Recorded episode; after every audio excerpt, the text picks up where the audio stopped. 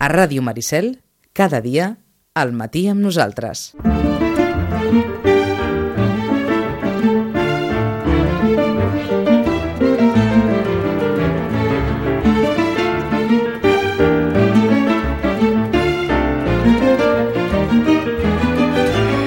Un quart de dotze és dimecres, és 29 de maig, i avui s'escau una data interessant que té relació amb un llibre. Perquè avui fa 100 anys del naixement de Simone Ortega. I vostès diran, qui és, qui és? Segurament els, els més joves no els sonarà, però els que tinguin ja una certa edat, quan anàvem a la llibreria, quan aquí Sitges n'hi havia més d'una, recordaran que en algun dels expositors d'Aliança Editorial, aquells que posaven el libro de bolsillo de Alianza Editorial, hi havia un llibre que es titulava 1080 recetes de cocina.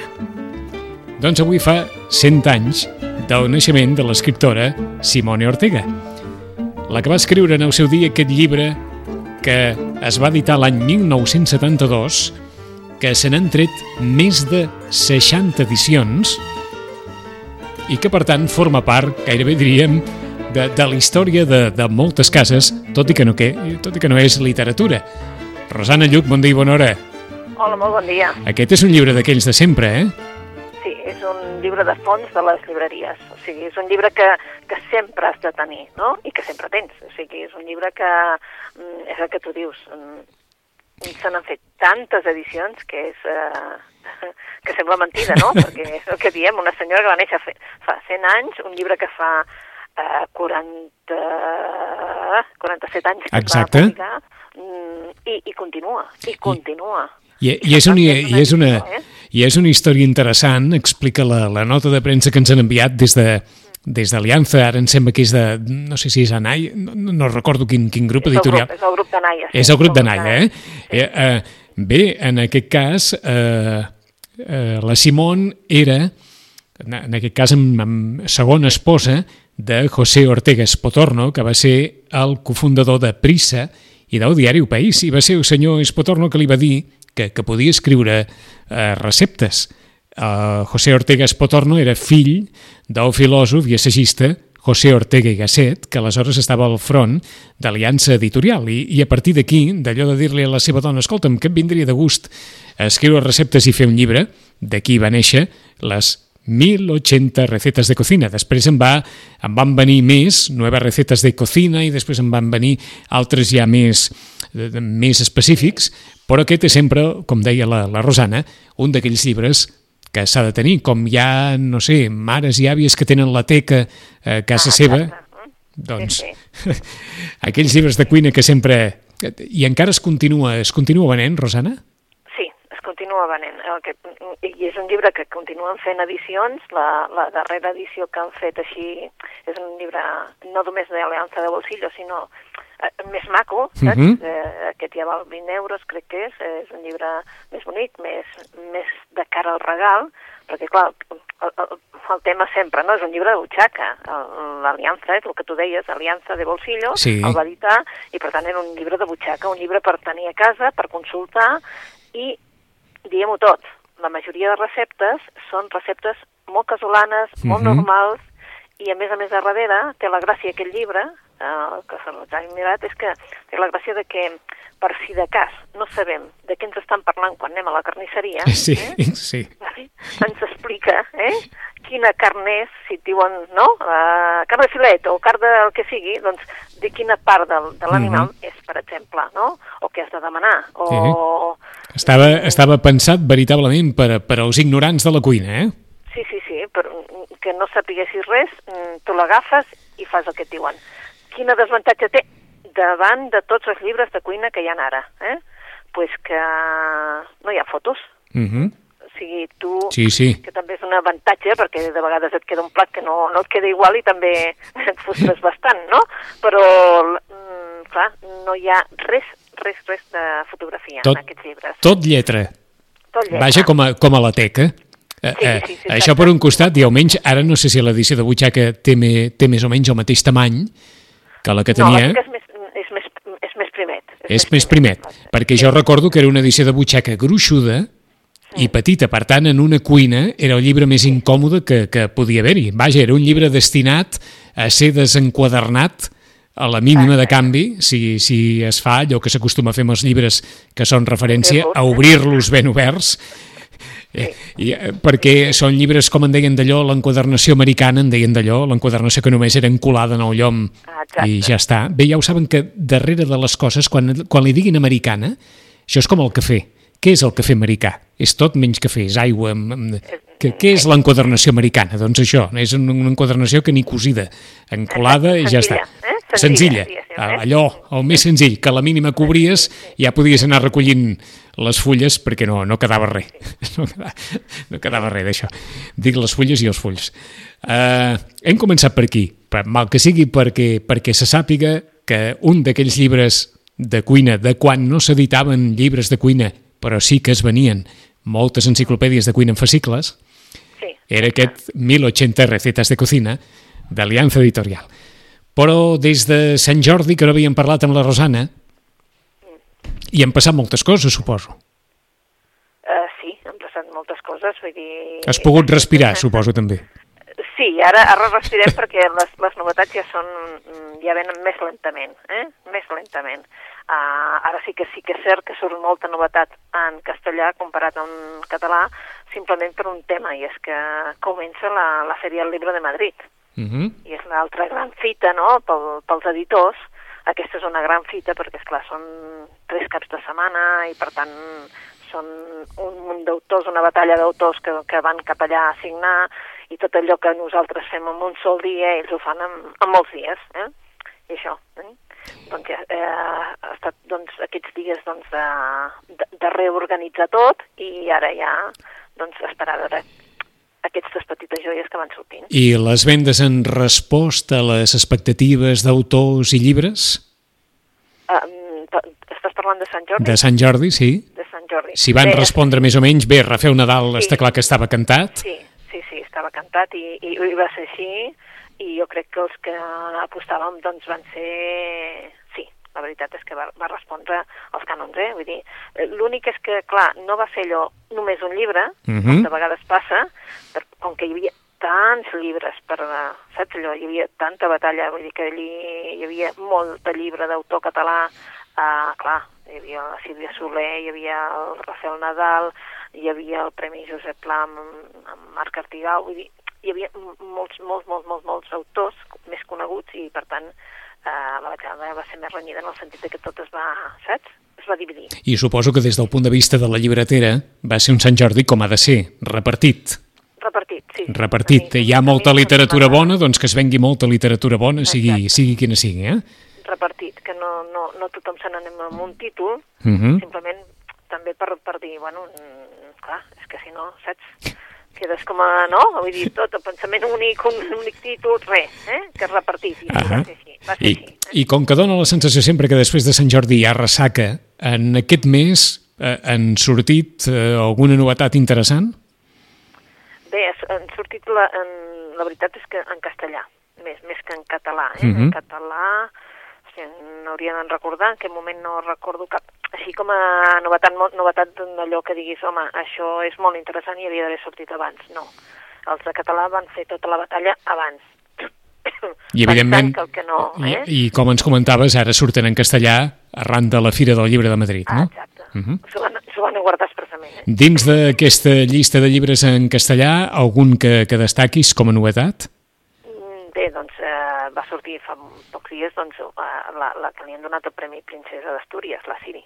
Uh -huh. La Siri Hutzbert va sortir en català i en castellà, clar, i això ja és post-Sant Jordi. Eh, no crec que bueno, no crec que se sapigués res de, del premi, sinó simplement que era, doncs, diguéssim, per treure també de lo que seria el català, no? Mhm. de, de, el, el dia de, del 23 d'abril. Eh, D'origen noruec, eh, Siri Hosvet? Sí, sí, sí. D'acord, nascuda, nascuda americana, però, però d'origen noruec. Sí, per, Mhm. això, per això té aquest cognom tan, Sí, tan tan, especial. tan eh? difícil de pronunciar com sempre, eh? Eh, tan la- difícil de pronunciar i els trets també són mm, ja, ja es veuen que els trets de la, eh, de la, seva, de la seva cara i tal Mhm. són poc americans, són Doncs més sí. aviat, la veritat és que són més bien europeus. Eh? D'acord, doncs, eh, si ho saben, Premi eh, Princesa d'Astúries, has dit? Sí, Premi sí, Princesa Astúries, d'Astúries. eh? Siri sí. Hasbet, ens comentaves també d'Isabel Allende.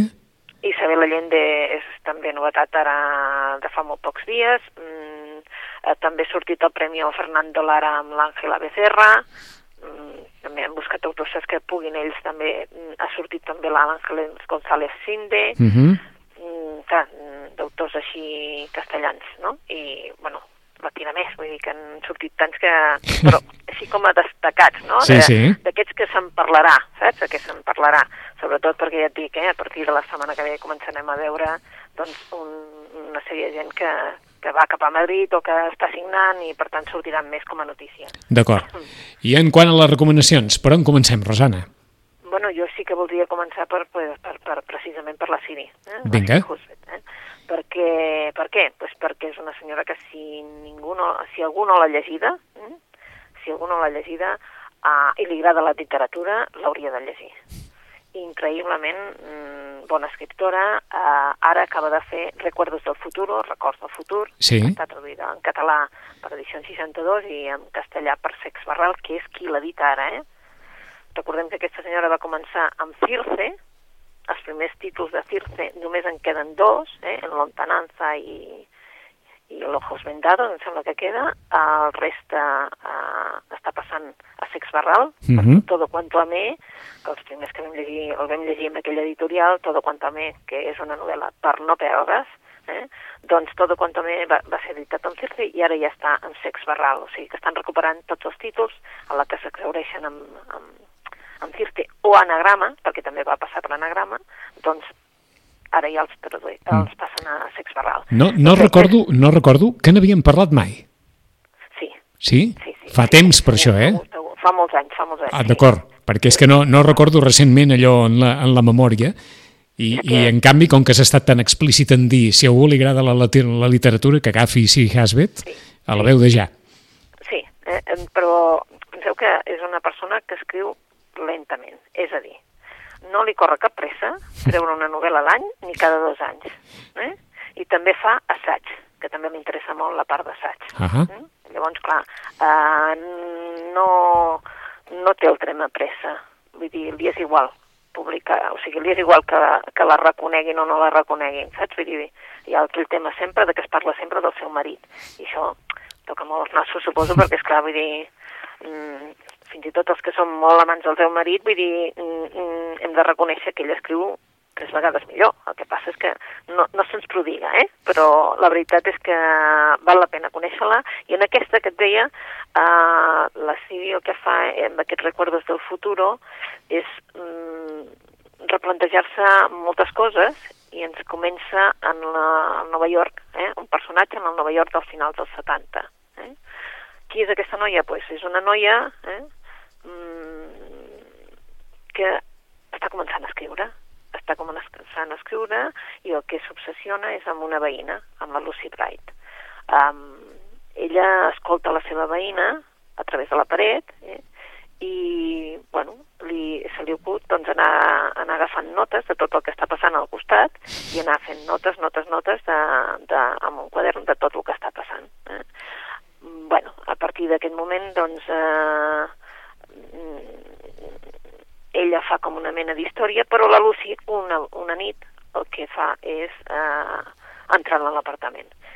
Ara són 40 anys després, i des, 40 anys després el que fa la, la protagonista és, mm, com que ara ja és escriptora, ja, diguéssim, que ja porta molts anys escrivint i Mhm. publicant, etc, el que agafa és aquestes notes, vale? i intenta, doncs, eh, reconduir tot això que va escriure llavors i repensar-ho, i per tant, en definitiva, aquí hi ha molt de la seva vida. En Recuerdos del futur hi ha molt de la, de la vida pròpia de la Siri, malgrat que ja ens avisa que no és una biografia. Però sí que és veritat que hi ha molts trets d'ella a dintre del llibre. Ahà. Ens diuen les notes de cultura del país que la primera vocació de Siri Hasbet va ser la poesia i no va publicar una novel·la fins a principis dels anys 90, quan tenia 37 anys. La novel·la era Los ojos vendados, en la que Hasbet, diu la mateixa crònica, avançava el joc de miralls que caracteritza la seva obra. I a partir d'aquí eh, va anar construint aquesta carrera literària que, com deia la Rosana, no ha tingut pressa. I, eh, vaja, en som conscients d'això si és que va editar la seva primera novel·la als 37 anys. O sigui que és una, una evocació de la vida sense ser biografia.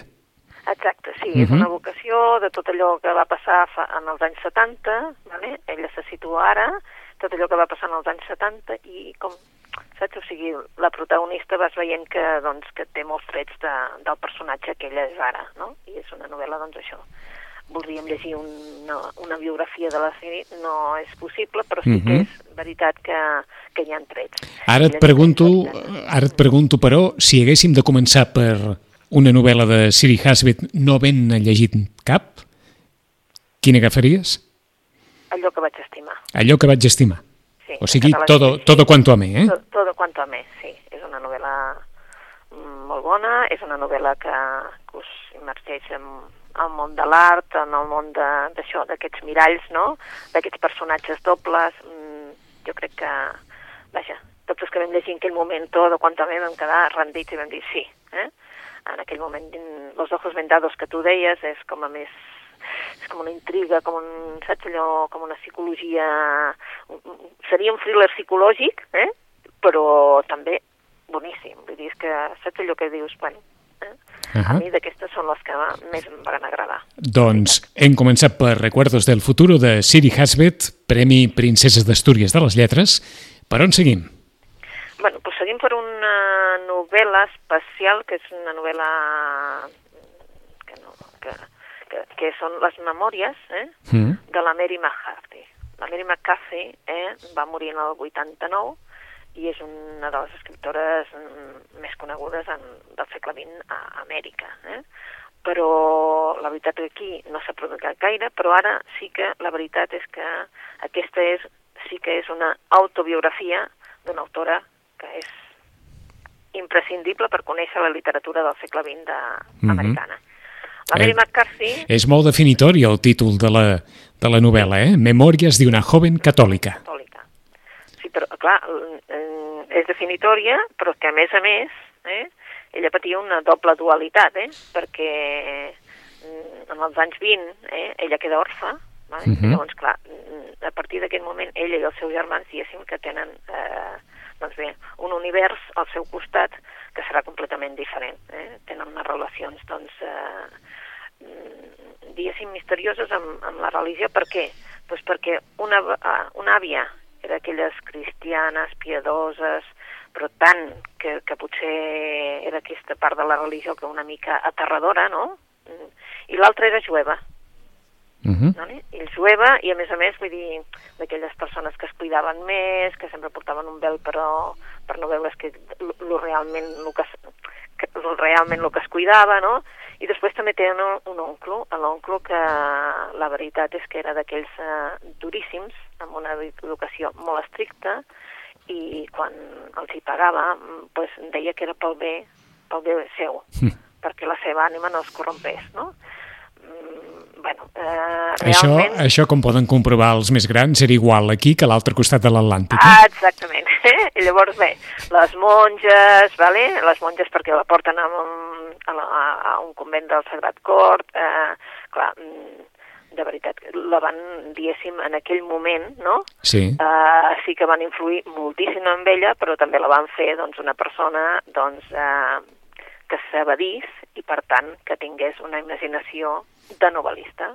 I eh, gràcies a tot això pues, eh, ha fet eh, en aquesta novel·la realment el que fa doncs, és Memòries d'una joven catòlica, és un testimoni autobiogràfic, però realment eh, és el que tu dius, eh? Això era igual aquí que a l'altra banda.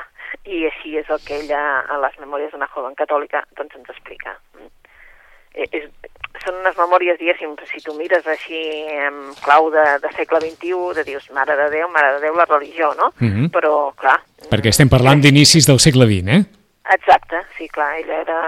Ella va néixer en el 12, això eren els anys 20, 20 i pocs, Mhm, perquè fa- ella era jove. Fa Era cent jove. anys, si fa o no fa. Exacte, mm, pues això. Mm. Doncs- Memòries d'una joven catòlica també està publicada per Lumen i és una petita joieta també. D'acord. És una reedició? S'havia publicat abans, aquest llibre? Fa molts anys. Fa molts anys, eh? Molts anys, D'acord.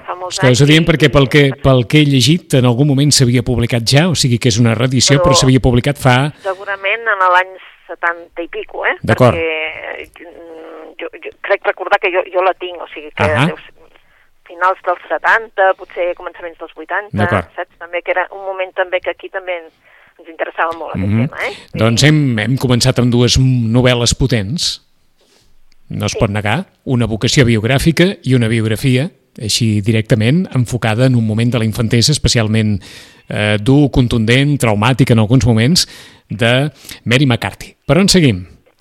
Doncs mira, podem seguir per una persona que és coneguda, perquè a més a més va ser ministra de Cultura i, per tant, molt coneguda. Acaba de publicar una novel·la, Ángeles González Sinde. Ahà. Eh? Vale. És una història, una història que l'Àngeles González Sinde ens, eh, bueno, ens ha volgut explicar una història, es diu Després de Quim. Eh? Um, qui, de qui ens està parlant? Doncs bé, eh, mm, Kim és una noia, una noia que, que ve cap a, cap a Espanya, um, té una vida, però la Geraldine i el John es van divorciar, els seus pares van divorciar um, fa molts anys. I clar, mm, com que estan divorciats, doncs no es veuen gaire ni tenen ganes.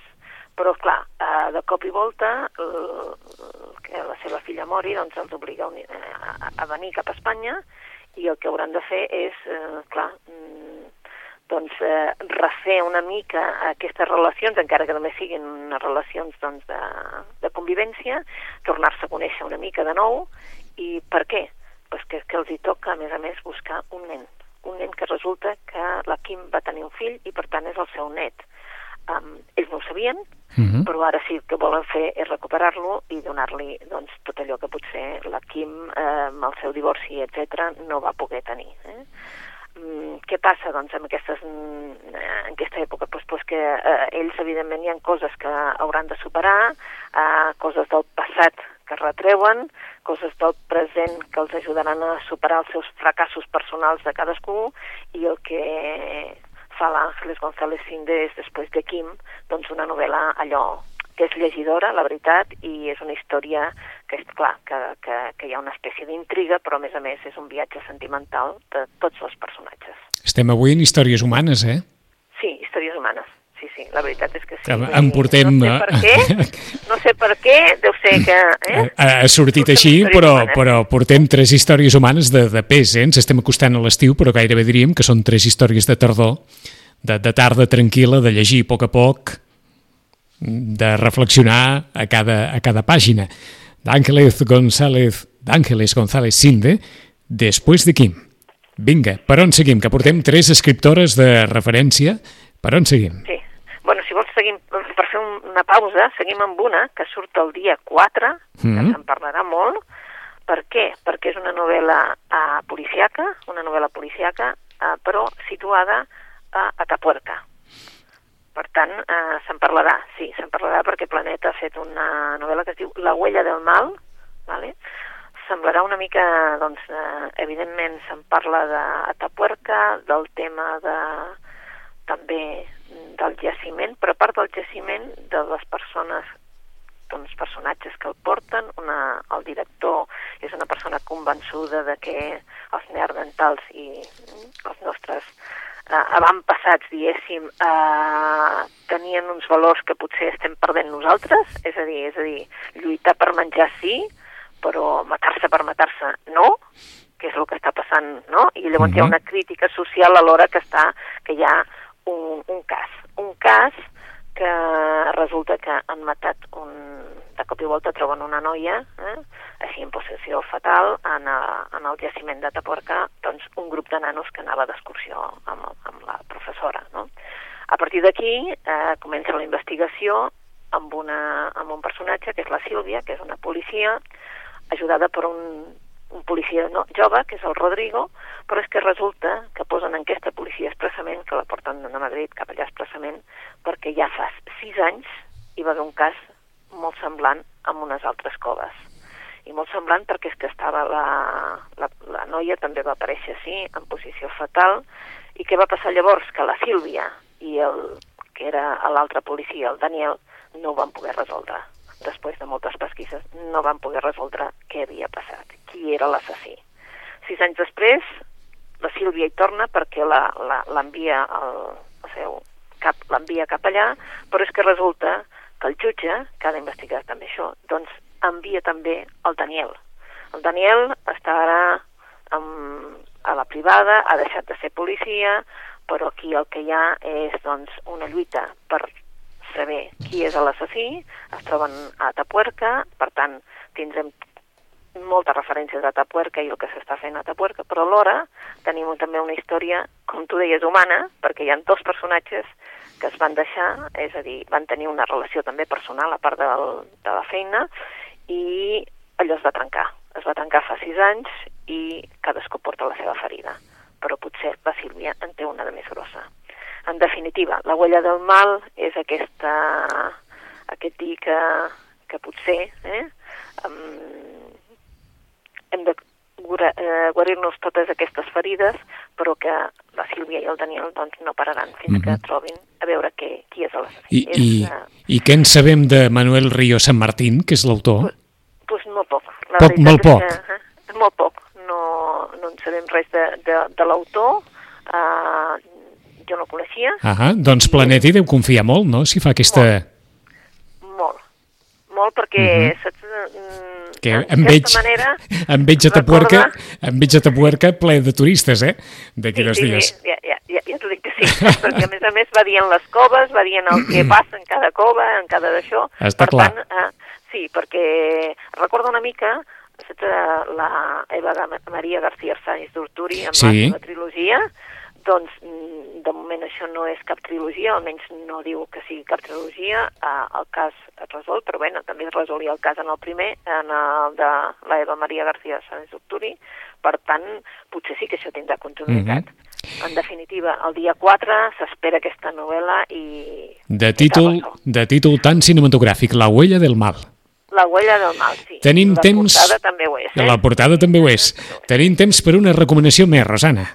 Per una més. Bé, doncs eh, anem amb un autor ja conegut, eh, un autor nord-americà una altra vegada, que es diu Douglas Kennedy, um, ha publicat moltes de novel·les eh, En busca de la felicitat, El discreto encanto de la vida conjugal, um, Una relació especial, i el Douglas Kennedy ens fa sempre un retrat dels personatges, però en la seva època, emmarcats en el moment polític en el que estan vivint. I ara ens porta una novel·la cap als anys 80, a Nova York, en plena era Reagan, amb ella, l'Alice Burns, que és la, la protagonista, eh, és una autora, eh, perdó, és una editora, eh? Mm -hmm. um, bé, i realment ara té un manuscrit, un manuscrit eh, que, que se li està fent massa complicat perquè sobre psicologia familiar, però arriba amb un text dintre del escrit que és uh, que diu una cosa com todas las familias son sociedades secretas, reinos de intriga y de guerras internas regidos por sus propias reglas.